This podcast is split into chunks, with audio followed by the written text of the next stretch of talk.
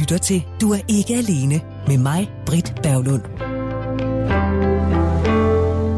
Og i denne udgave, der lytter vi tilbage på nogle af de emner, som vi har talt om med rigtig mange fine gæster. Singler er god underholdning. Der er efterhånden kommet mange singler til i det, man kan kalde populærkulturen. Alt det, der kan underholde os alle sammen, singler eller ej. En aften havde jeg besøg af den professionelle caster Elisa Lykke, der igennem mange år har jagtet singler til at være med i reality-programmer på tv. I studiet var også krimiforfatter Michael Katz Krefeldt, der fortalte om sin hovedperson Ravn, som er single, og modsat andre efterforskere, der er singler, ja, så er ham her Ravn altså hverken gammel eller knaven. Da Katz Krefeldt skulle kreere sin hovedperson, der var det nemlig vigtigt, at det blev en karakter, som man har lyst til at være sammen med. Ja, altså for mig var det vigtigt, at, at det netop, fordi jeg tænkte, når da jeg var henne omkring det her, øh, at have en øh, privatdetektiv, så havde jeg ikke sådan lyst til, han skulle være politibetjent, så havde jeg ikke lyst til, at han skulle være sådan en pensioneret politibetjent, der ligesom havde fået et skånejob eller sådan et eller andet. Ikke? Så, så, så det var meget vigtigt for mig, at han var den her øh, aktive øh, fyr på min egen, eller måske endda lidt yngre end mig, ikke? Øh, for at have den her energi, som, som, som var i ham. Ikke? Så det var vigtigt.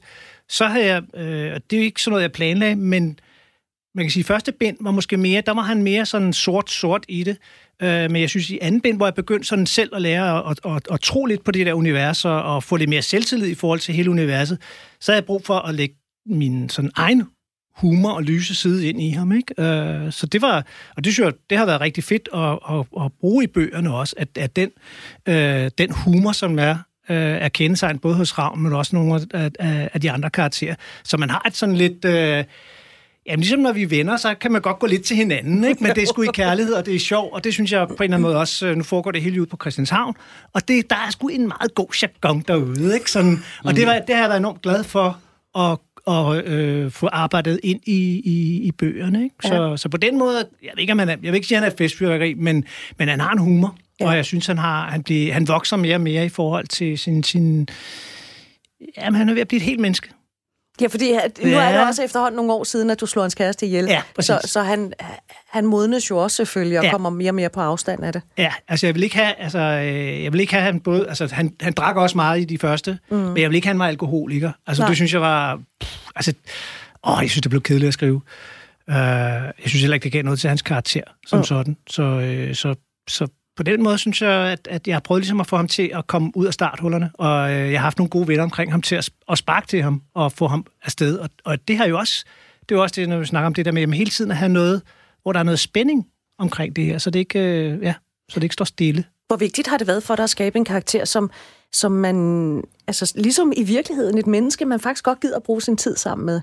Så kan man sige, fordi der kan jo findes andre karakterer, hvor man er sådan lidt, man må have med snart også lige stramme ja. op på det der humør, eller hvad det end kan være. Ja. Ikke? Men, men netop fordi Ravn også har sin lysside, han har sin humor, og han kan være lidt, han kan komme med lidt dumme bemærkninger en gang ja. imellem, ikke? eller være nævnyttig, eller hvad ved jeg. ikke? Præcis. Øh, hvor vigtigt har det været at gøre ham så menneskelig som overhovedet muligt?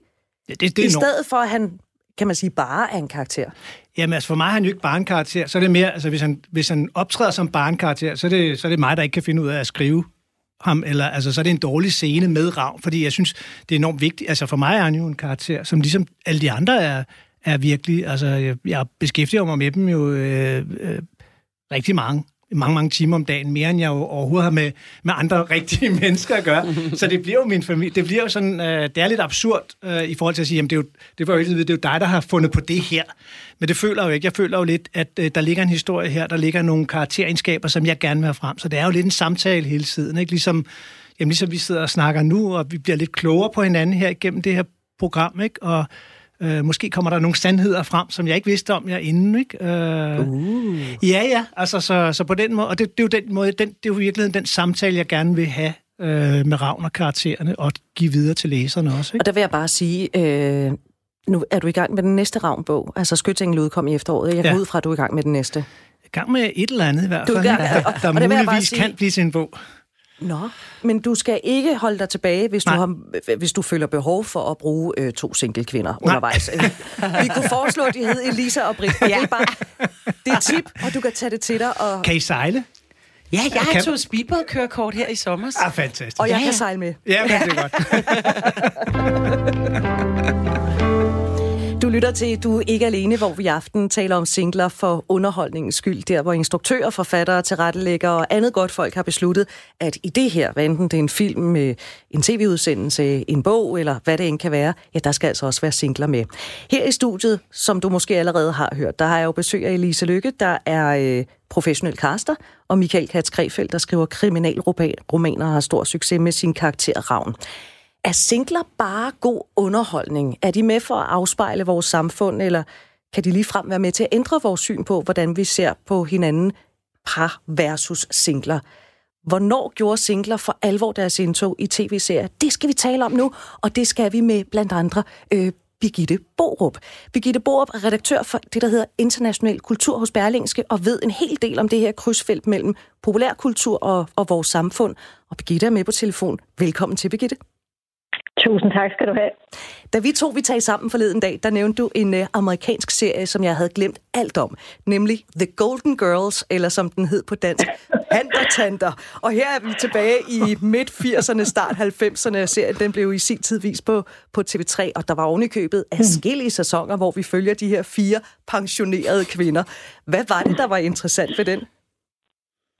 Jeg synes, det var det første eksempel på et øh, nyt fællesskab, der opstår omkring det at være alene. Altså det her det er jo nogle kvinder, som er seniorer, og som finder sammen i, øh, i sådan et øh, fællesskab, der jo på mange måder blev en forløber for det, vi senere kom til at se i mere moderne serier, altså hvor de fandt en anderledes måde at, at dyrke singlekulturen på.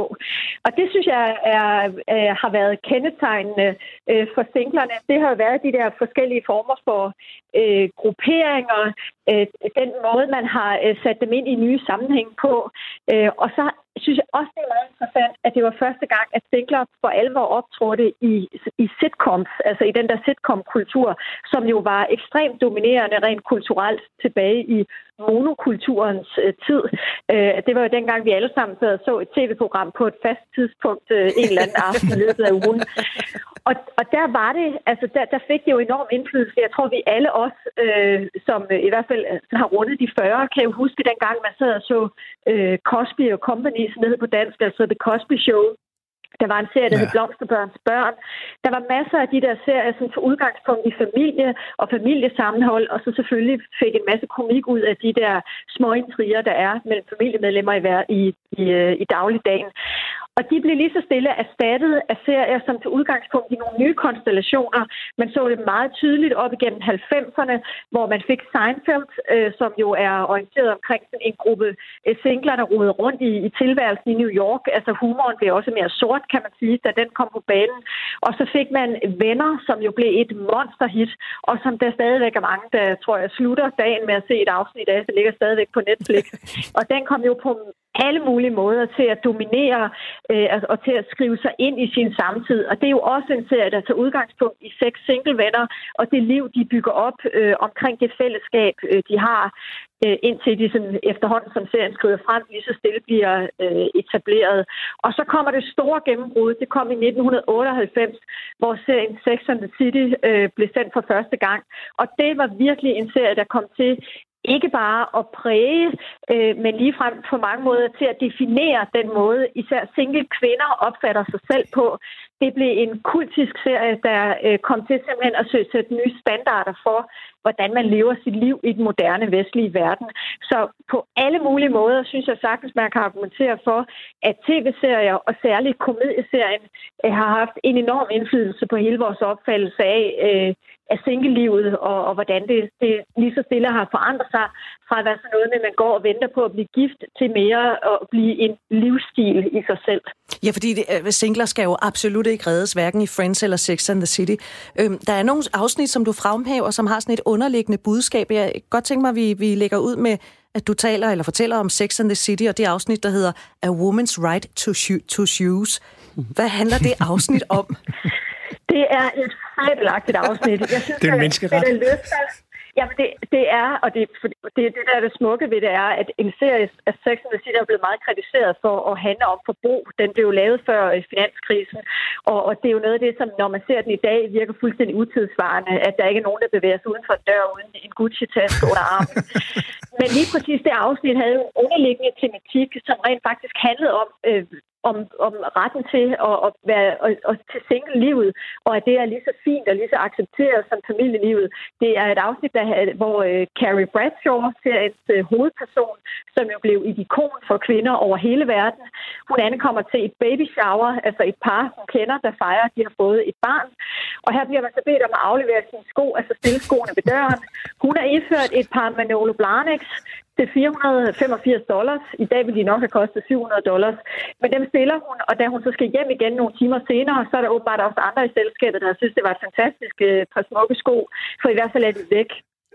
Og det resulterer jo så i en, en øh, sådan underlig øh, konfrontation med det her par, der har holdt øh, festen, og hvor det ender med, at hun simpelthen sender dem, at det går op for hende, at hun i løbet af sit liv har været med til at finansiere deres bryllup, deres baby shower, deres øh, forskellige fejringer af parlivet, mens de aldrig nogensinde har givet hende noget som helst, fordi som single, der fejrer man kun sin fødselsdag.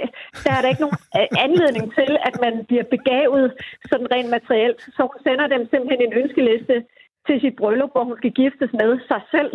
Og det eneste, hun ønsker sig, det er et par Manolo Blahnik-sko med til dem, hun har mistet til deres fest. Og det resulterer jo så i, at de sender hende et par sko retur. Det er en ret flot tematik, synes jeg. Det er velskrevet, det er edgy, det er sjovt. Og så handler det jo om, at man har, som single jo netop har det privilegium, at man må bruge sine penge på, hvad pokker man vil. Og det kan godt være, at der står nogle etablerede familier, der synes, det er fuldstændig hat og briller, at man har brugt næsten 500 dollars på et par sko. So what? Det er jo det, der er styrken i single-livet, at man sådan set selv definerer, hvordan man vil dyrke det. Ja, og man behøver ikke at gå hjem og lyve for sin mand og sige, at de kun har kostet 350 kroner på udsalg. Nej, det gør man ikke. Altså, man, kan jo også, man kan jo betale kontant, hvis det er helt galt, så det kan ses på konto. Lige nøjagtigt. Elisa Lykke, jeg går ud fra, at du har set Sex and the City. Oh my god. Har du fanget de her sådan, øh, tematikker, der har været? Jeg synes, det har været en banebrydende for singler, og jeg øh, kan kun hylde den serie, og jeg kan blive ved, og jeg kan blive ved, og jeg kan blive ved. Alt ved den serie er fantastisk, og øh, har givet kvinder så mange muligheder for at se på sig selv på en anden måde. Og igen, blive mødt Altså den der identifikation, der har været for så mange kvinder, som har følt sig måske lidt skæve eller forkerte på den, fordi de har været singler og brugt penge på noget, som, som både en bankrådgiver og en mand mm. ville synes, at man var et, et modbydeligt menneske, fordi man havde brugt penge på sko. Så, så den har på rigtig mange måder også tilgangen til mænd, altså den vidunderlige Samantha, mm. som jo æder mænd råt. altså der er helst hvem, tre hvem om dagen. Ja, men altså øh, hendes tilgang til sex, altså den der seksuelle frihed af kvinder, på samme måde som mænd altid har fået lov til har kunne, kunne grab the man, man gerne ville til en fest på en bar. Altså, hvor ever hun mødte en mand, så tog hun den mand. Så, så på mange måder, så har den serie gjort utrolig meget for, for, for feminismen, og i det hele taget for, for mænd og kvinders syn på mm. single kvinde. Mm. Og der er jo ikke noget at sige til, at den stadigvæk er populær. Birgitte Borup, nu skal vi lige tale om en anden serie, du allerede har nævnt, som også er, den er jo stort set næsten lige så populær som Sex and City, nemlig Friends eller Venner. Øh, fordi mm. også her er der nogle forskellige øh, budskaber, der kommer ud. Øh, der er en historie med Monica og Chandler, som er værd at lægge mærke til. Hvad er den historie? Jamen, det er jo historien om, at de øh, er, er gode venner. De kender jo hinanden i en årrække. Og så da vi kommer hen øh, i, ja, hvad er det, 5. 6. sæson af, af serien, øh, så bliver de jo kærester, altså hvor de simpelthen lige pludselig øh, falder for hinanden øh, til et bryllup. Og så er det altså, til Monikas storebror Ross skal giftes. Og der, der lander de så på samme hotelværelse, og så indleder de jo et forhold først i smug, men det ender jo med at være en, en lykkelig kærlighedshistorie, hvor de, øh, øh, de etablerer sig sammen og køber hus og adopterer et par børn. Og, altså hvor, øh, og, og det, der, det, der er budskabet, synes jeg, i den historie, er jo netop det her med, at man kan godt have en rigtig kikset ven, som man lige pludselig ser i landet i, og hvor man, altså, hvor man kan øh, hvor man vælger ud fra nogle andre egenskaber, end dem man, øh, man ellers ville, ville vælge ud fra, eller har gået bil sig selv ind, var de rigtige. Man har jo igennem serien fulgt dem alle sammen, date alle mulige, øh, alle mulige forskellige, men det ender jo så rent faktisk med, at Monica og Chandler får hinanden, og Rachel og Ross også får hinanden, øh, og at de faktisk alle sammen på nær Joey øh, ender i sådan nogle øh, ret lykkelige forhold.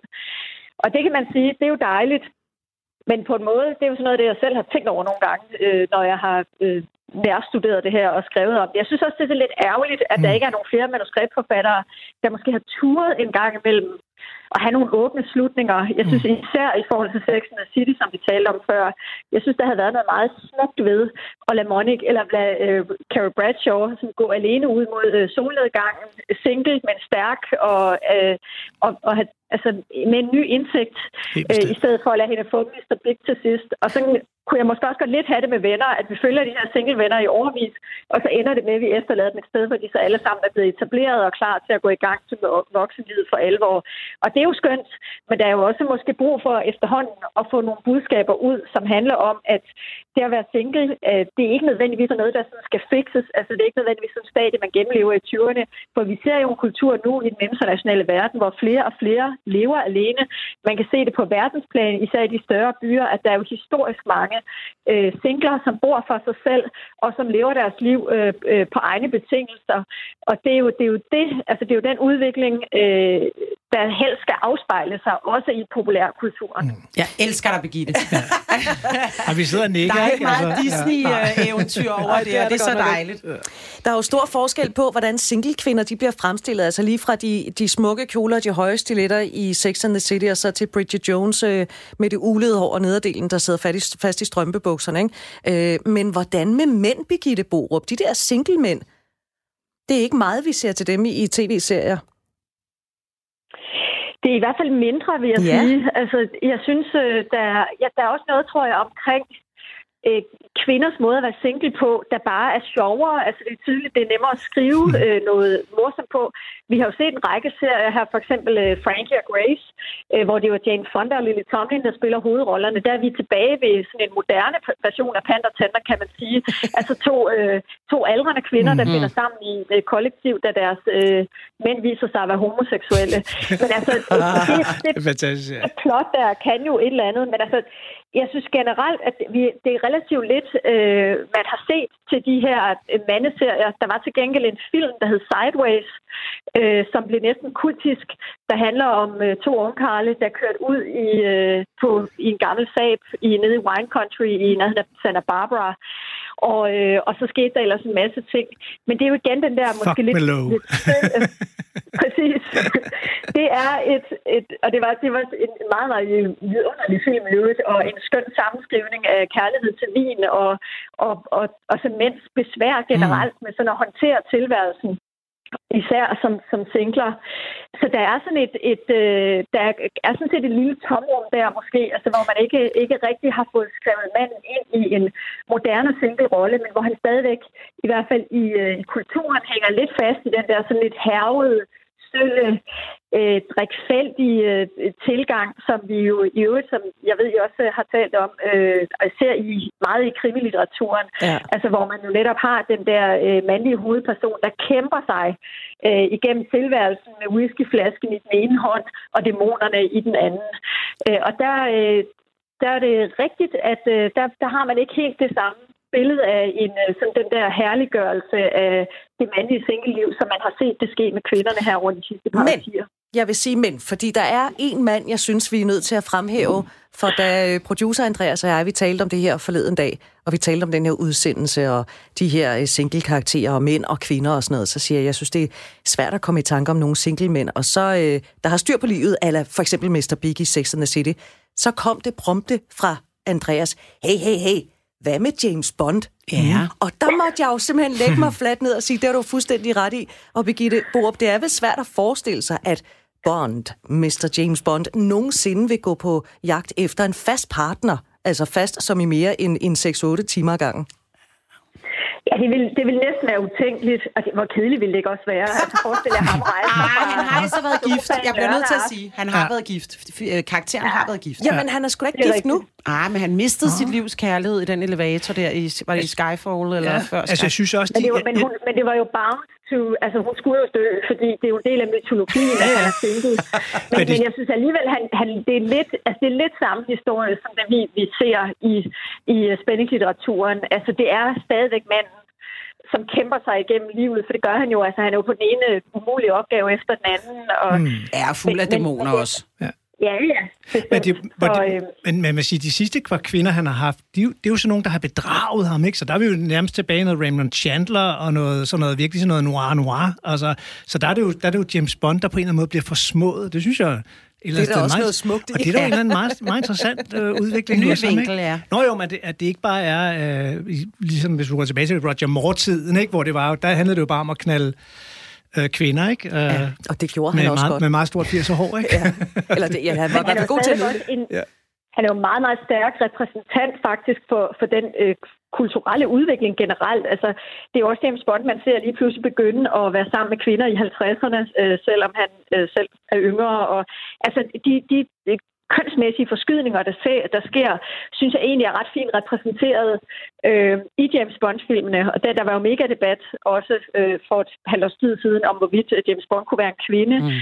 Øh, og, og man vil også komme til at se i stigende grad, at, at man vil tænke raser og mm. alt muligt forskelligt. Altså for diversitet er ganske enkelt i den måde, øh, køn omgås hinanden på øh, i James Bond-filmene, fordi at de er, en del af den kulturelle driver er jo netop, at det er sådan en opdatering af den måde, vi lever på, og vores, øh, hele vores samfundsopfattelse skal meget gerne være afspejlet i netop de film. Så, øh, så lurer mig om ikke også... Altså, jeg tror ikke, at han kommer til at ligge til Netflix lørdag aften med i den ene hånd og konen i den anden. Men der kommer helt sikkert til at ske en løbende opdatering i den måde, han lever sit single-liv på. Og det er jo også noget af det, der er med til at gøre øh, filmene interessante. Mm. Tak skal du have, Birgitte Borup, altså redaktør for international kultur hos øh, Berlingske. Tak, fordi vi måtte ringe til dig, og du vil fortælle om, øh, om de her single-karakterer for os. Selvfølgelig. Tak for det. Hej. Hej, hej. Du lytter til Radio 4. Det er jo meget sjovt, det her, som Birgitte Borup siger mm. med, at... Øh, eller som I også var med i, at James Bond, ja, ja, han har været gift, men hans kone blev jo, altså hun døde jo. Mm. Du har jo også slået en kvinde ihjel, Michael Katskrefeldt. Altså, oh, ja. vi har endnu ikke mødt hende, men Ravns kone blev jo også, ja, ja. eller kæreste blev også slået ihjel. Ja. Og måske skulle hun slås ihjel for at drive karakteren frem. Ja. Den sårbarhed, ikke? Men, men det sjove er, det, altså sammensuriet på den her samtale med Birgitte, øhm, det er jo også, at generelt tror jeg, at den single mand er lidt mere, altså han er nemmere at sætte ind i krimiboksen. Mm. Altså jeg tænker også på Dexter, øh, Netflix, du ved, der slår ihjel om natten. Han er også single, så vidt jeg ved, og har et nært forhold til sin søster, ikke seksuelt. Men, men øh, i det hele taget, så er øh, krimimændene, karaktererne nemmere at øh, sætte i bås, hvor kvinderne har langt flere nuancer. Jeg kommer også i tanke om øh, den serie, der hedder Nanny, The Nanny, alle tiders ja, barnepige. Ja. Hun er jo også en, fra den tid, Carrie med mm. lovkort og store påfærmer, altså den barnepige, der kom ind i stiletter, og jeg kommer også i tanke om, at hun var jo også en på det tidspunkt virkelig en karakter, der sprang ud som en anderledes type single, der var barnepige, den her sådan rige familie, og, og gik i påfærmer. Øhm, så kvinder har nok lidt flere nuancer, hvor vi ikke kun behøver at putte single-kvinderne ind i en krimiboks, hvor det er nemmere for mændene at være actionfiguren. Det tror, det tror jeg også. Altså, jeg synes også, det, det var sjovt at, at høre den der ude fra, fra pandertanter op til nu, ikke? Ja. Fordi at, at, altså også bare, altså, øh, jo, der var det der med, med, med kvinder, du kunne der ligesom kunne tjene deres egne penge og havde en seksualitet. Men jeg synes, noget andet synes jeg også, der var enormt vigtigt, det var, at kvinder også skal være sjove. Altså, at kvinder også skal tage pis på sig selv. Altså, der kom sådan også, hvor, og det tror jeg et eller andet sted var både befriende for, for, for, for, for kvinder, men jo også for mænd, og, og derfor havde det jo også et, et, et stort potentiale hos, hos det mandlige publikum, at det var okay. Altså, det var okay, at, øh, at man kunne grine af, af forskellige ting, som var i forhold til, til, til par og til kvinders seksualitet, eller hvad fanden man nu tænkte på, mm. og så videre, og så videre, og netop om det var at gå fuldstændig bananas over nogle sko, eller sådan noget. Og det var sjovt også, det der, ikke? Øh, og det synes jeg har været en, en revolution i sig selv. Også mm. med til at nuancere, hvad kan en kvindelig, øh, en, en kvindelig karakter? Øh, jeg har selv været med til at skrive på øh, den der tv-serie, der hed Nølle. Lige præcis. Yeah. Og det, og det skal var, vi nemlig også tale om. Ja, men det er fint, det snakker vi også om. Altså, men, men, men, men det var bare for at sige, at det var, det var enormt sjovt at dykke ned i det her. Der var vi jo både mandlige og, og øh, øh, kvindelige forfattere og, og instruktører på og så videre. Ikke? Så det var, det var enormt sjovt at dykke ned i det der univers øh, og sige sådan, hvad, hvad, hvad, altså, hvad, hvad er det sjove her, og hvad, hvad, hvad må vi, og, og hvad, tør vi, øh, hvad tør vi at bringe til tors ikke? Af, af, af skøre input og så videre. Ikke? Du lytter til Radio 4. Hvis man har en karriere, hvor man arbejder de fleste af døgnets vågne timer, kan man så samtidig have plads til kærlighed? Eller er det et enten eller? Det talte vi om en aften, hvor der var besøg af Anne Villemos, der har en fortid blandt andet som spindoktor og senere som kommunikationsdirektør i Danish Crown. Og i studiet var også Jannik Mantov, der arbejder med IT. Den aften var også fremtidsforsker Lise Lotte Lyngsø på besøg, og her der fortæller hun, hvor meget arbejde fylder i vores identitet. Jeg vil sige, det har fyldt øh, ekstremt meget i mange år. Øh, men nu bliver det bredt lidt mere ud. Også fordi, at arbejdet har fået en lidt dårlig ring, fordi vi har klimakrise, og gør vi egentlig det rigtige, eller er vi ved at smadre planeten? Måske skulle vi tænke lidt mere over at lave noget formål. Så i hvert fald arbejdsdefinitionen bliver spredt mere ud på, at det også kan være noget doing good for andre, eller for sig selv, eller en pilgrimsrejse. Så begrebet arbejde er lidt i opbrud, og det er familien egentlig også, og, og parret. Vi har ekstrem individualisme, og samtidig så har vi alle de der kærlighedsfilm, der viser, at man skal være i par. Men selv øh, parforholdene er egentlig individualister, der bor sammen, og flere og flere har hver deres økonomi, og hver deres investeringer, og hver deres professionelle profil, hver deres so-me-profil. Så, så øh, måske går der nogle år, så giver det slet ikke mening at sidde og sige, øh, er du par? øh, eller er du, er du single? Så hvis man siger, hvad slags par er du? Altså, så mere, mere individualisering, og det ved jeg ikke, om du oplever, men øh, det er, der er selvfølgelig stadig de der par midt øh, her og der, men der er også rigtig mange, der holder et bryllup, hvor man kun inviterer enkeltpersoner, som man godt kan lide, for eksempel, i stedet for at hele parret skal med. Så der oh. er lidt opbrud på vej. Wow. Så de der mailadresser... det kan jeg godt lide. ja. Men i gang, hvor man ligesom havde en mailadresse, så stod der afsender, det var Hanne og Sten Jensen. Altså nu er det Hanne Jensen og Sten Jensen. Og der havde man også en telefon, hvor familien tog telefonen. Man ikke? vidste Men i aldrig, hvem dag, der så, tog den. øh, Ja. så er det en mobiltelefon, og så ved man godt, hvem man ringer til. Ja. Hvor meget betyder arbejde for din identitet, Jannik Mansor? Det har svinget meget. Lige nu betyder det en del, tror jeg. Nu sagde du, at jeg er coach. Øh, ja, det er jo sådan min hobby, men øh, det er jo IT, jeg arbejder med, og det, det er softwareudvikling. Men for mig, så er det jo min faglighed, den, den betyder mere end kæreste i øjeblikket. Og så er det bare det. Så er det der, jeg lægger alle mine kugler. Men sådan har det ikke altid været. Nej, det er der svinget. Det livet bevæger sig i bølger, og nogle gange er man på toppen, og andre gange er man i en bakkedal. Og det er sådan lidt, hvad der er mest behov for. Altså, hvor, hvor er der mest uro i baglandet, så er det der, man sætter mest ind. Ja. Anne Willemose, du har igennem årene været en single-karriere øh, kvinde. Kan man ikke godt sige karrierekvinde? Jeg elsker det ord, især fordi, øh, Åh, når nej, man nu bliver ved jeg mødt... ikke, hvad der kommer. Nej, nej, men jeg elsker det ord, fordi øh, sproget fortæller meget om vores øh, samfund, og der er jo øh, ikke, ikke et ord, der hedder karrieremand. Det er der ikke noget, der hedder. Det, det- det, er det ikke sjovt? Det har jeg Ja. aldrig tænkt over. Nej, der Men det har jeg tænkt meget over, fordi dumt.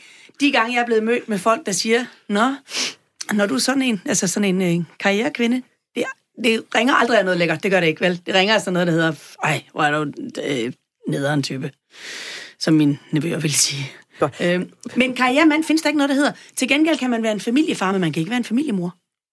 Ved du hvad, jeg, Fordi mor er bare en, har familie jo. Interessant. jeg er simpelthen hoppet direkte ned i den fælde der. Det er jeg så ked af. Jeg har sagt, lad mig omformulere. Du er jo en single kvinde, der har haft den karrieremæssige snude nede i sporet. Kan du, kan du klare den? Ja. Godt. Hvordan har du oplevet, at mænd så har set på dig? Jamen i virkeligheden så hænger det der sammen med det der med karrieremand og karrierekvinde, fordi det hænger jo sammen med, at at være- at have- være en kvinde, der har karriere, stadigvæk. Nu ved jeg godt, der er gået inflation i år, så der, er rigtig mange projektledere synes også, de har, det, det er også en karriere. Det kan også være en karriere at være næsten pædagogmedhjælper, og ikke et ondt ord om dem til noget, den har jeg også været. Men, men hvis vi nu skal lige sige, at det, altså det, vi forstår ved karriere, det er, at vi ligger op i et, et ledelseslag, sådan ret højt på niveau, og, og, og har et job med, med noget ledelsesansvar og sådan nogle ting. Er det det? Nej, det ved jeg ikke, om det er, men... Det er vel men, noget faglighed, du sætter alt ind på, og så er det det, der tager din tid og din energi. Ja. Jeg, jeg vil sige, at jeg laver karriere, men jeg er på ingen måde i ledelse. Nej, Men, Jeg er i en faglighed. men hvis man nu slår ordet karriere op, som ja. jeg jo havde gjort, ikke? livsform, hvor man prioriterer arbejdslivet og det at tjene penge højere end familielivet og det sociale liv. Jeg prioriterer min faglighed højt. Det der er karriere. Mm. Så du har en karriere også, ja? Ja, det vil jeg sige. Ja. Men, og, men og det var derfor, jeg sagde, hvor, hvor ligger vi snittet? Fordi så kan vi kalde det noget andet, for jeg ved godt, hvad det er, du, du spørger til i virkeligheden. Ikke? Hvordan bliver man kigget på? Og man er jo både... Øh, når man er en boss lady. ja, ikke? Sådan en... Ja, lige præcis. Øhm, og på den ene side, så er man øh, i alle sammenhænge... Øh, man er interessant på den der måde, man er også en trussel. Det, der går sport i at se, om, man, om de kan knække en. Og det foregår på den sødeste måde i verden. Det gør det. Og den ultimative, nu er det søndag aften, så må vi godt sige det, som det er. Ikke? Nu har vi folk fået lagt børnene i seng og sådan noget. Den ultimative måde, du kan øh, øh, besidde en kvinde på, eller få øhm, overtage hende, eller hvad vi skal kalde det, nedlægge hende, det er jo at nedlægge hende. Altså, der er jo noget fysiologisk i sex, som hedder, den ene trænger ind i den anden. Og der er jo et element af det, og nu siger jeg jo, skal jeg skynde mig at sige, at jeg har sørget med ikke haft sådan noget på øh, direktionsgang overhovedet, fordi det lærer man ret hurtigt, den leg skal vi ikke lege. Men, øh, men der er til gengæld også noget omkring, altså man diskuterer jo meget det der med kvinder på direktionsgangen, så sent som i øh, den øh, forgangne uge, har der været øh, endnu et indlæg om, at det var smart, hvis vi ikke klædte os udfordrende, eller ikke gik i høje sko, eller...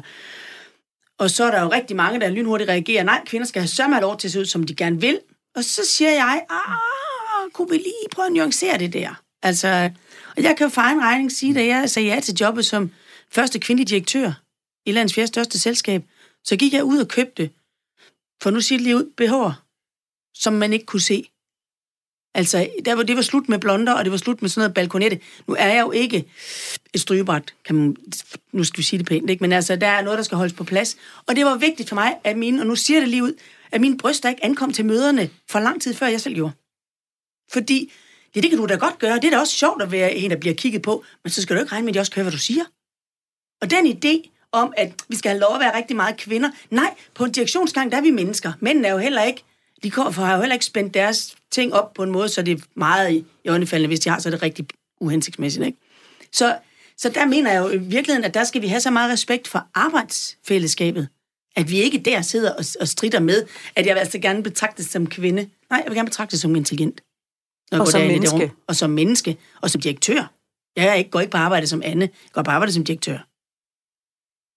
Det er ja. ret vigtigt for mig. Ja. Og, og der vil jeg sige, hvordan har mænd så kigget på det? Så er det klart, når du er den eneste kvinde i et rum med 22 mænd, eller ude på rejse med 22 mænd, så vil der også være elementer af sådan noget øhm, usikkerhed. Man ødelægger jo stemningen for hunde, ikke? Fuldstændig. Altså der når man nogle, kommer af kvinde? Ja, der er nogle ja. vidtigheder, de ikke synes, de kan fyre af mere, og øh, sælgerne skal ikke på stripklub, hvis man er med. Og, altså, der er simpelthen nogle ting, som, som bare gør, at man, man er irriterende. Og der sker det for os alle sammen det, at så længe du er den eneste kvinde i det rum, så stikker du ud fra den mængde. Så bliver du synlig. Øhm, hvis vi nu havde været halv af hver, så havde det at være kvinde og agere som en kvinde i det rum, ikke været sådan noget, men det er også bare dejligt mærkeligt. Så havde det været en, så er der input fra flere forskellige. Men det er klart, som den eneste kvinde bliver du mærkelig. Så jeg har da oplevet blik. Jeg vil sige det sådan, at en af de sætninger, jeg virkelig kan blive træt ved, det er, øhm, mænd, der lidt lummert siger, øh, nu skal du vide om mig, jeg er sådan en, der er så rigtig god til stærke kvinder. Og jeg tænker, så har du bare ikke set mig tude til Lillehus på bræren. Jeg er sgu da ikke en stærk kvinde, jeg er klog, det er noget andet. Men det er ikke. Det der med at tro, at, at kompetence er det samme som styrke. Og hvad vil det sige at være en stærk kvinde? Ja, altså, præcis. Prøv, ja. jeg bor alene, så jeg er nødt til, fordi jeg lige nu er en selvstændig fattig røv, så er jeg nødt til at finde ud af at skille min opvaskemaskine ad og mit toilet ad, når det går i stykker. Det der gør da ikke mig til en stærk kvinde. Jeg kører også i en stor narkoslæde. Det gør man ikke til en stærk kvinde. Jeg har da haft kærester, der var kærester med min bil. Fordi det gjorde mig interessant. Altså, så det der styrke, det er noget underligt noget, at vi snakker om det, synes jeg, i den sammenhæng. Og Jannik, når du hører ord, eller ordene stærk kvinde, mm. hvad tænker du så? Tænker du, åh, lad mig komme væk, eller gud, var interessant, fordi så kan hun noget, som jeg ikke kan, eller? Jamen, jeg spørger lige præcis mig selv om det samme. Hvad er en stærk kvinde? Hvad betyder det der stærk? Ja. Det er det første, jeg tænker. Og jeg tænker lige, jeg synes, du sagde mange gode ting omkring direktørgangen, som jeg godt kunne tænke mig måske drøber lidt ned i lagene til menigvældet, om man så må sige. Men... Det, det her med at øh, være ene hane i kurven, eller være single kvinde på direktør, direktionsgangen. Jeg tror, det er det samme, at øh, der kommer en ind og bryder stemningen for flertallet. Ikke?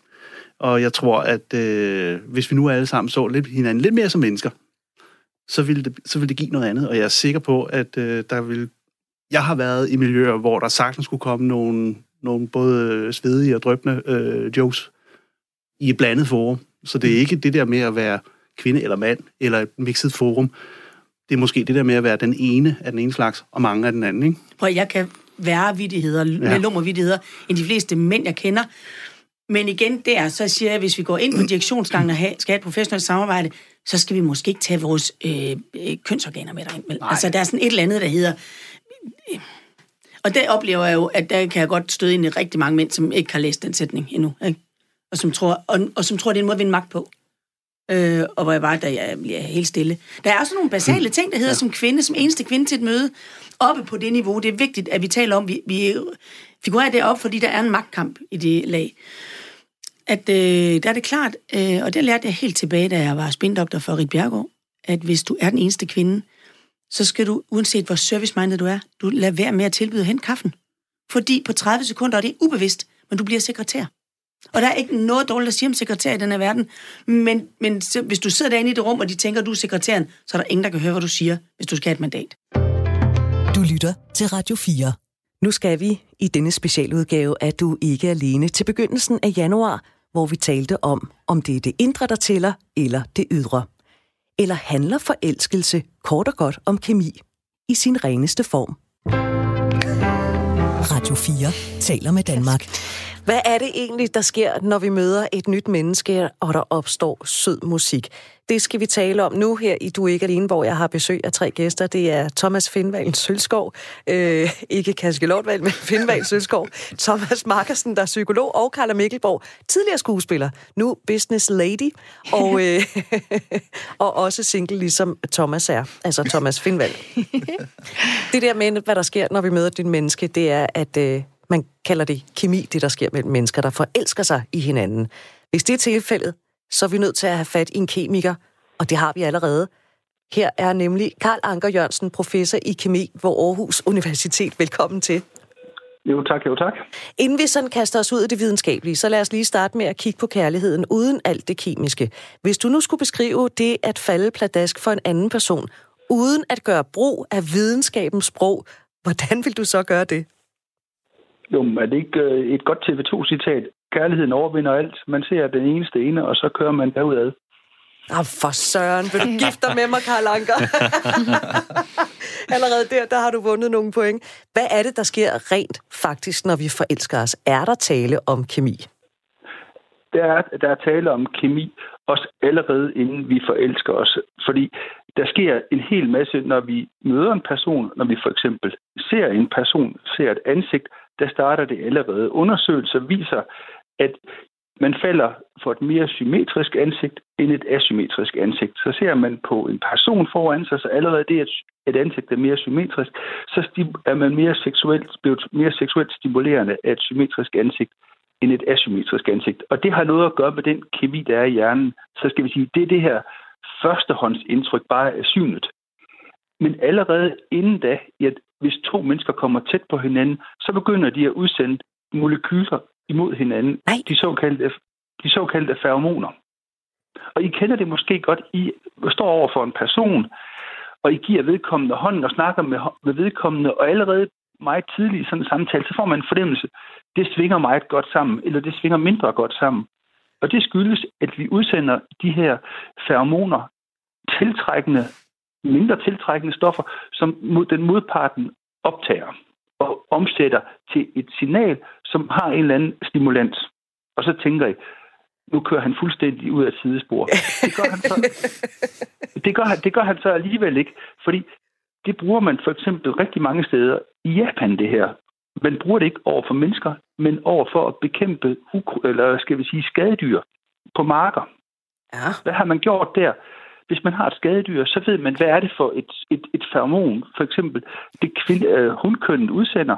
Det laver en kemiker, og så putter man det i en lille dåse, og så alle han insekterne i milevis omkreds vil komme tiltrukket af det her feromon. Kæft, Hold det er smart. Effektivt. Ja, Kan jeg få den parfume? Ja. Ja, Få det på dåse, Ja, den parfume kan vi komme tilbage til lidt, men I kan godt se, at det er jo meget mere miljøvenligt frem for at sprøjte giftstoffer og. Så bruger man, skal vi sige, de naturlige seksuelle tiltrækningsstoffer, som er lige bevidst for, skal vi sige, det her øh, skadedyr på en given mark. Og det er også det, der sker mellem mennesker. Det, det er også det, vi, øh, man har for eksempel lavet undersøgelser med, at hvis man lader for eksempel en mandsperson øh, ligger øh, nat, en nattrøje, han har brugt tre nætter, og giver den over for en kvinde, så vil vedkommende, en kvinde kunne ofte blive bare stimuleret af de molekyler, der findes i den sved fra, perso- fra den mandsperson. Så skal jeg sige, allerede, allerede, ved- allerede op i næsen, fordi det sker op i næsen, at de her feromoner, og, eller på huden, men primært i næsen, at nogle af de her molekyler bliver fanget, og det bliver sendt et kemisk signal til hjernen. Håb, der er et eller andet, der passer her. Ikke? Men betyder det, Karl Anker Jørgensen, at vi alle sammen i princippet kan blive tiltrukket af alle? Det gør det jo ikke, fordi nogle molekyler absorberes bedre, binder sig bedre i næsen eller på kroppen end andre. Og du kender jo også nok, Britt, hvis du står over for en mandsperson, Ja. vedkommende er mere tiltrækkende øh, end en anden en. Ja. Uden at skal vi sige, du har set lidt på vedkommende, du har måske haft en samtale, hvor der stimuleres nogle kemiske processer i hjernen, og så er der også de her feromoner begyndt at blive sendt mod hinanden, at så føler man, du må sige, ah, ham der, han er, der er et eller andet, det, det kører meget godt frem for måske en anden en, ikke? Ja. Og det, der er noget med, at de her feromoner, de, de skal passe som nøglen i en lås i rigtig mange af de her ting her. Og det er det, der sker op i vores næse, når de her feromoner bliver fanget. Så passer de som nøglen i et lås. Og det kan være, at din næse er bedre indstillet på at optage nogle mandspersoners feromoner end en anden. Hvor er det fascinerende. Banebrydende viden. Ja. Det Det er- Nej, det er ikke, det er ikke så banebrud. Det, hver, hver, hver, hver, gang, altså, hver, gang, hver gang det kommer frem det her i medier, at, at, at, at, at så siger man, det er nyt, men det har man vidst i mange år, og vi er jo ikke engang kommet til, hvad sker der så op i hjernen? For der sker også en hel masse spændende ting. Hvad er det for noget, der er begær? Hvad er det for nogle molekyler, der gør, at man får et begær over for en anden person? Det er jo også kemi. Altså, jeg har, jo, jeg har jo læst mig frem til, og det ved jeg slet ikke øh, om passer, men jeg har læst mig frem til, at i det øjeblik, man, man ser et andet menneske, så har man i løbet af øh, meget, meget kort tid, jeg kan ikke sige, hvor kort tid, så har man ligesom gjort op med sig selv, altså nu, nu, kan jeg, nu er jeg meget glad for mænd, øh, Karl Anker, det skal du bare vide. Øh, nej, det er bare, altså fordi nu nævner... Jeg Carla. Er Øhm, Carla. Men for eksempel, så når jeg så møder en mand, så ubevidst, så gør min hjerne op med mig selv, om jeg synes, han er seksuelt tiltrækkende eller ikke seksuelt tiltrækkende. Ja, og det er de her feromoner, der allerede fra den mandsperson allerede har påvirket dig. Det er simpelthen Det- dem. Det er, nogle, det er nogle komplekse molekyler, som binder sig på din hudoverflade og i næsen. Prim, mange af dem binder sig i næsen, hvor du også ligesom dufter lidt til mandspersonen. Måske mm. nogle dufte, du ikke kan registrere som duft, men som din hjerne på en eller anden måde begynder at bearbejde i en, som du siger, en, en seksuelt tiltrækkende proces. For hjernen, altså kommer den lidt på overarbejde, når man så møder et menneske, hvor man tænker, nå, goddag for søren, der kom du da lige. Jamen, jamen, jamen, så begynder der at ske det, at der op i hjernen, skal vi sige, til at starte med, jamen, så er det testosteron, det mandlige kønshormon, eller østrogen, det kvindelige. Men når man begynder at føle den her tiltrækning, jamen, så sker der virkelig noget op i hjernen. Der, der er nogle stoffer, der hedder dopamin, norepinefrin og serotonin, der virkelig begynder at aktivere. Og man ved, når man for eksempel føler sig tiltrukket af anden menneske, så de her stoffer bliver produceret i højere mængde i hjernen, og man ved lige nøjagtigt, hvor de her molekyler går ind og påvirker steder i hjernen, som så gør, at wow, ham synes ham den, for bruge dig, Britt, som et eksempel, den mandsperson synes du bedre om end en anden, ikke? Så Ja. ja. der, der bliver du ligesom, får du en, en, en højere produktion af de her molekyler. Men der er ligesom tre faser. Der er det, der hedder begærfasen, hvor det er nogle molekyler, hormoner, der er i spil. Så går vi over til det, der hedder tiltrækningsfasen. Og når man så ligesom bliver tiltrukket og kommer ind i et parforhold, så kommer der ligesom nogle, nogle molekyler ind, som gør, at hvis du for eksempel er kvinde og er gravid og føder, så udsender du molekyler, som forsøger at holde på din, din, din partner. Okay.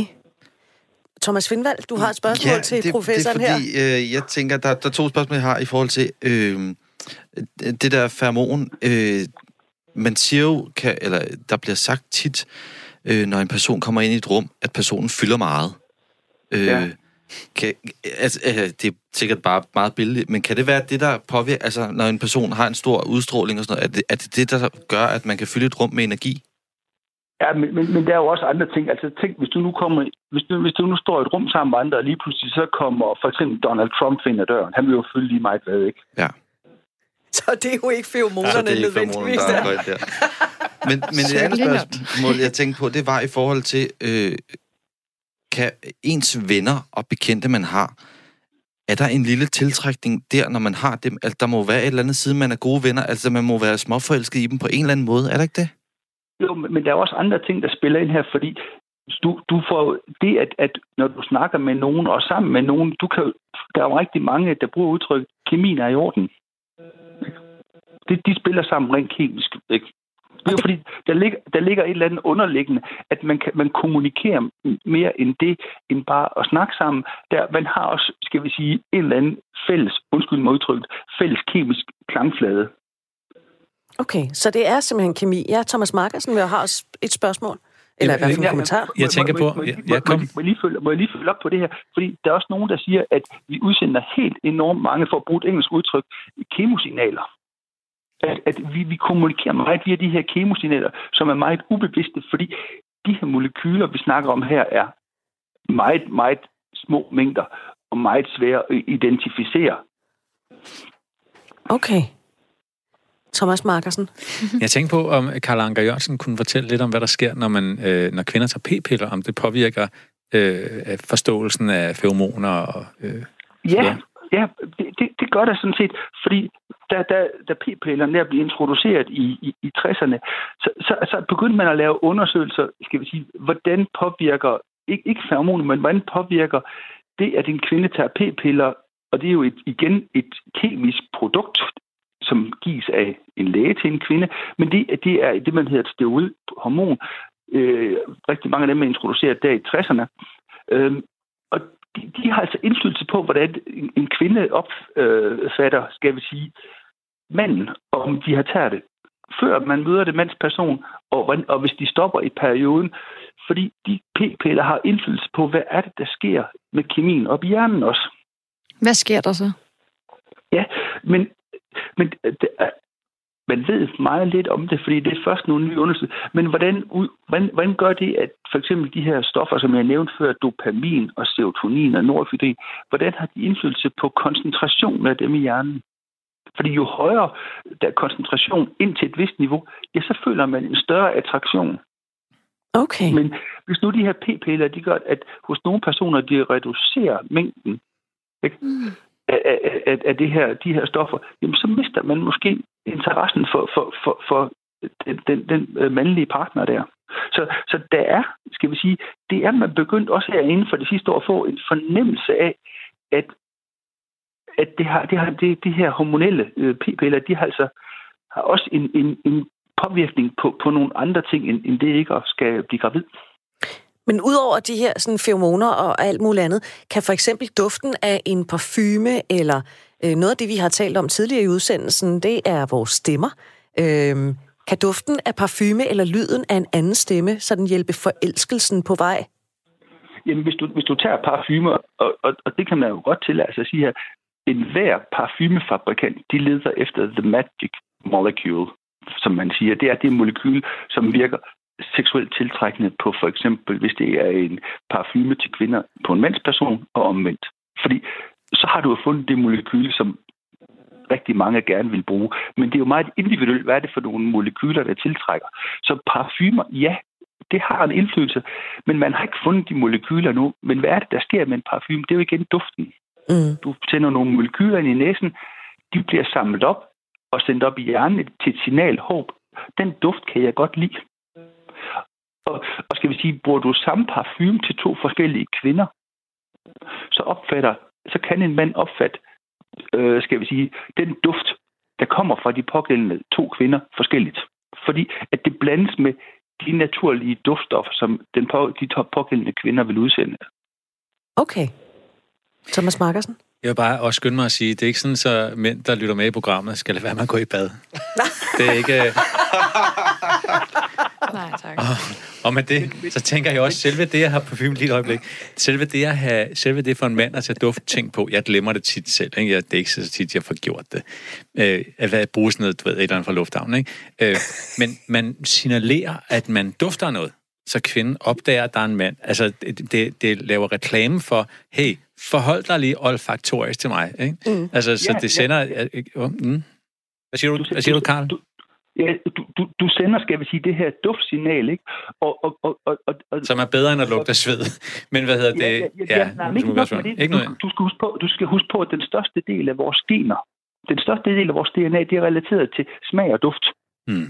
Ikke? Så, det, ikke? så det virkelig betyder meget, hvordan man, man dufter. Og husk, duft er også individuel, som jeg sagde før. Ja. Ikke? og det er også det med, hvis det er to forskellige, altså, Britt, du sagde, jamen, man faldt mere for en end anden. Jamen, det har både noget med syn, men også måske de feromoner, hvordan din krop optager de molekyler, som den, den person, eller de personer, du kigger på, udsender. Ja. Det er puslespillet, ikke? Det fortæller, kroppen fortæller, at det her kunne passe sammen med mig. Er det ikke sådan noget? Jo, Eller? men, men, men, men, det helt, men, men, men, men det er der også nogen, der begynder at spille på nu her, det her med feromoner, at, at vi styres af vores feromoner. Fordi der er nogle firmaer, der forsøger at slå sig op med, send os en spytprøve, så finder vi ud af, hvad er, hvad er din DNA-feromonprofil. og, så, og, så, og så finder de en, hvor de matcher til, fordi fra naturens side, så skal man jo være, skal vi sige, øh, man, man skal jo ikke ligne hinanden alt for meget, fordi man får bedre afkom, viser det sig, at hvis man DNA-mæssigt er forholdsvis langt fra hinanden. Ikke? Så, Okay. så, så, så, så, så det er der nogle firmaer, der forsøger at øh, slå sig op på, og ligesom kan, kan, kan gøre det. Ikke? Siger du Man nej har- til man deres tilbud, Karl? ja det, det synes jeg næsten godt, man kan fornemme. Men øh, altså, Men, men, men der findes, der findes, der findes øh, nogle- sådan nogen, der, der, der også forsøger at, at, at, at sælge sig på det, ikke? Altså, fordi det er jo big market, det her, ikke? Jo, jo, og kærlighed, det er jo big business, og derfor så er vi nødt til lige at vende tilbage til den der duft, du talte om i starten med de japanske skadedyr. Øhm, hvorfor er den ikke allerede bare blevet lavet til parfume? Jamen, det, det er fordi, at det, det, selvom man måske ved lidt om, hvordan de her molekyler ser ud, så det at lave dem, det kan måske være, eller det er, kan være enormt svært, fordi de her molekylære strukturer, de er ikke bare nogen, man lige laver en eftermiddag i et laboratorium på Kemisk Institut Aarhus Universitet. Nej, okay. Når nu der er tale om sådan en helt simpel øh, kemi, som jeg jo kan forstå, det er, det, altså jeg får jo snart svært ved at tro, at det der med kærlighed nogensinde vil ske, fordi der er så mange ting, der skal op, gå op i en højere enhed, og nu er der også feromoner med i, i spillet her. Sig mig lige en gang, øh, som professor i kemi ved Aarhus Universitet, Karl Anker Jørgensen, kan man snyde andre til at blive forelsket i en? Og læg mærke til, at jeg spurgte ikke med desperat stemme. Jeg, sp- jeg spørger bare. Jeg spørger bare helt åbent. Men kan man det? Jamen, jamen, jo, men, men, men, men, men det ved jeg ikke. Jeg, jeg, jeg tror, der er et ord, begreb, der hedder en charlatan. Er der ikke sådan noget af den retning der? Jo. øh, hvor man... Men hvis, den, hvis, hvis der nu er en, der udsender nogle signaler, som man falder for, men som viser sig sidenhen at at være, være der er nogle andre ting bagved, som man ikke ligesom er faldet for. Det er, husk, kemi er mere end kemi. Okay. Ikke? Det er ikke, ikke? Det er ikke nok med det. Der, Nej. altså, der er andre ting, der også skal passe sammen. Ikke? Ja. Og, ikke? Udover at tage det bad, som uh, Thomas Markersen reklamerer for, hvad kan vi så gøre, hvis vi gerne vil tiltrække en bestemt person? Jamen, det kommer også lidt an på, skal vi sige, øh, hvilket miljø man lever i. Ikke? Altså, hvis man lever i, i et fattigt miljø, det, det, kan, det viser så, så, så, så jamen, det viser undersøgelser også, så går man mere efter maskuline, stærke mænd, som ligesom kan hjælpe dem frem. Ikke? Mm. Hvorimod i, i, i, i øh, kvinder i, i, i, udviklings, i, i højt udviklede lande, de, de, de foretrækker sådan mere feminin øh, udseende mænd, skriver er der nogle undersøgelser, som, som der er foretaget her for nylig. Så, så det, det, det er jo altså det, det, er jo, det, er jo, det er jo svært at, ligesom at sige, jamen, det er det, og det er det. Ikke? Men i bund og grund ikke, så er det jo, skal vi sige, de her første indtryk, som du selv var inde på før, Britt, i løbet af et par minutter, så har man ligesom scannet en, en flok, okay, vedkommende derovre, ham kunne jeg godt tænke mig lige at, at, at, få en gin og tonic med? Og dele feomon eller, eller flere med? Ja, ja, ja, ja. Det, jeg synes, det er meget fascinerende, det her, og jeg synes også, det er vildt skræmmende. Men, men sådan er vi mennesker jo, og det kan vi jo ikke rigtig lave om på. Det er ikke engang en udvikling, altså det er jo bare sådan, det er. Øh, men jeg kan forstå, at der er rigtig meget kemi i det så. Jamen, jamen, du kan bare gå tilbage. Du, du startede med TV2, det kan også øh, Ja. øh, her på det øh, punkt øh, øh, tage et øh, citat fra nogen, der, der desværre ikke spiller mere The Doors, ikke? der skriver Love hides in the molecular structure, ikke? Ja. Og det er ikke løgn. Nej, nej, nej, nej. Det tror jeg heller ikke. Karl Anker Jørgensen, øh, professor i kemi ved Aarhus Universitet. Tak fordi du ville fortælle om det her. Ja, kan I nu holde jer munter og, og, og, og, og udsende nogle, nogle rigtig konstruktive feromoner også? tak. Vi skal prøve. Jeg ved ikke rigtigt, om jeg blev opløftet eller nedslået af den her samtale. Altså, kemi er kemi. Man Jeg, kan må, ikke... jeg tænker, jeg må have et ret stort nøglehul.